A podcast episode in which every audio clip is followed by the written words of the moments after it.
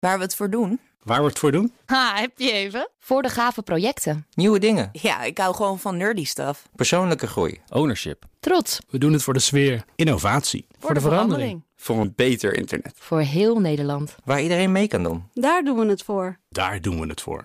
Waar doe jij het voor? Kom werken voor KPN en groei op jouw manier. Check de actuele vacatures op het gebied van data, security, development en networking op jobs.kpn.com/tech. Wetenschap vandaag. De vloot, waarmee Nederland onderzoek doet naar zee, klimaat en biodiversiteit, is al een tijdje aan vervanging toe. En daarom wordt er hard gewerkt aan nieuwe schepen en nieuwe apparatuur. Wat daar dan weer mee mogelijk wordt, dat bespreken we met wetenschapsredacteur Carlijn Meinders. Hey Carlijn. Hoi. Eerst maar even, hoe oud zijn de schepen die nu nog worden gebruikt?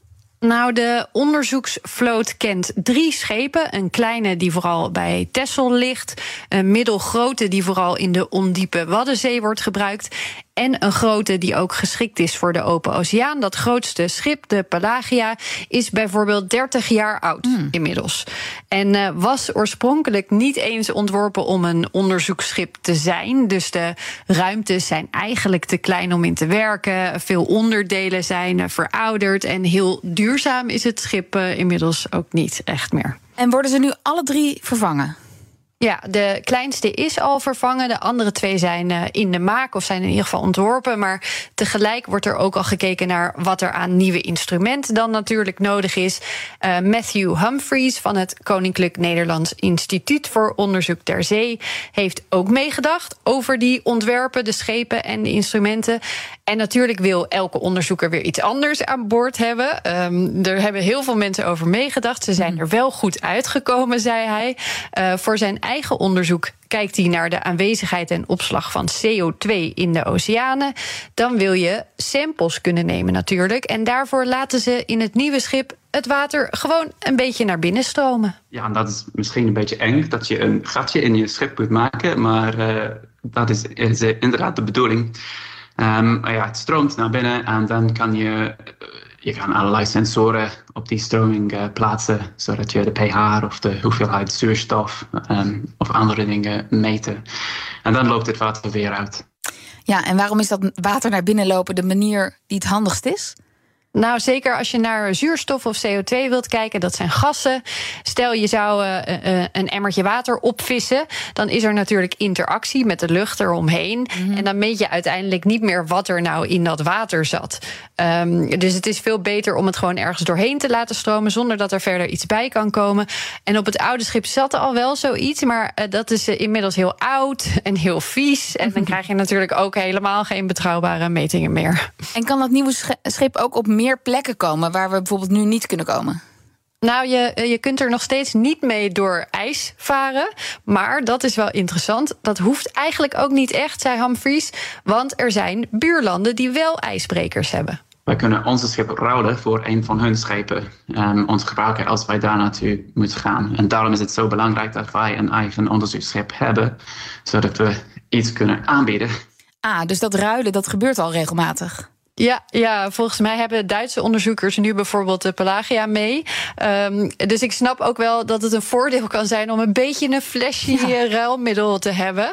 Uh, nou willen ze ook graag deeltjes in het water bestuderen die heel klein zijn en die maar in hele lage concentraties aanwezig zijn in het water, nutriënten bijvoorbeeld. En ook daarvoor zijn nieuwe systemen nodig. Het is heel makkelijk om je monsters te vervuilen met, uh, met je schip of jezelf of je haar of wat dan ook.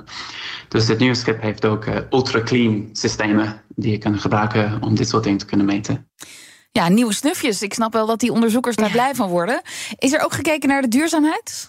Ja, gelukkig wel. Het zou niet best zijn als dat niet uh, het geval was, denk ik. Uh, een van de dingen waarmee ze gaan experimenteren is behoorlijk bijzonder. Dus het nieuwe schip heeft ook een plek voorop waar je kan die uh, een soort moderne zeilen zetten, zodat het de wind kan gebruiken om te varen. Uh, modern, dat klinkt een beetje als uh, teruggaan in de tijd.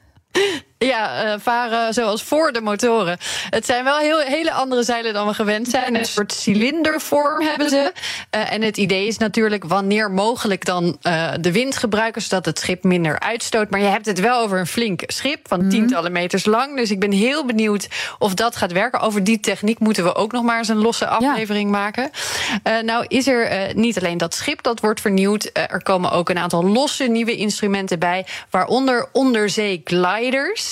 Humphries heeft er de afgelopen twee weken mee geoefend en hij legt uit wat dat zijn. Ze lijken een beetje op een gele torpedo. Misschien anderhalve meter lang. Uh, met vleugels en een vinnetje achterop.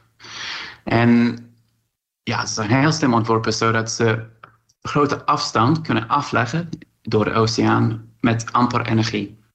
De glider zelf heeft bijna dezelfde dichtheid als zeewater. Dus in de oppervlakte drijft hij gewoon zonder energie te gebruiken. En hij ligt aan de oppervlakte van de oceaan. En hij kan uh, door satellieten communiceren uh, met jou. En dan heeft hij een soort oliegevulde blaas. En hij kan een beetje olie naar binnen pompen. Dat betekent dat zijn dichtheid wordt een beetje groter.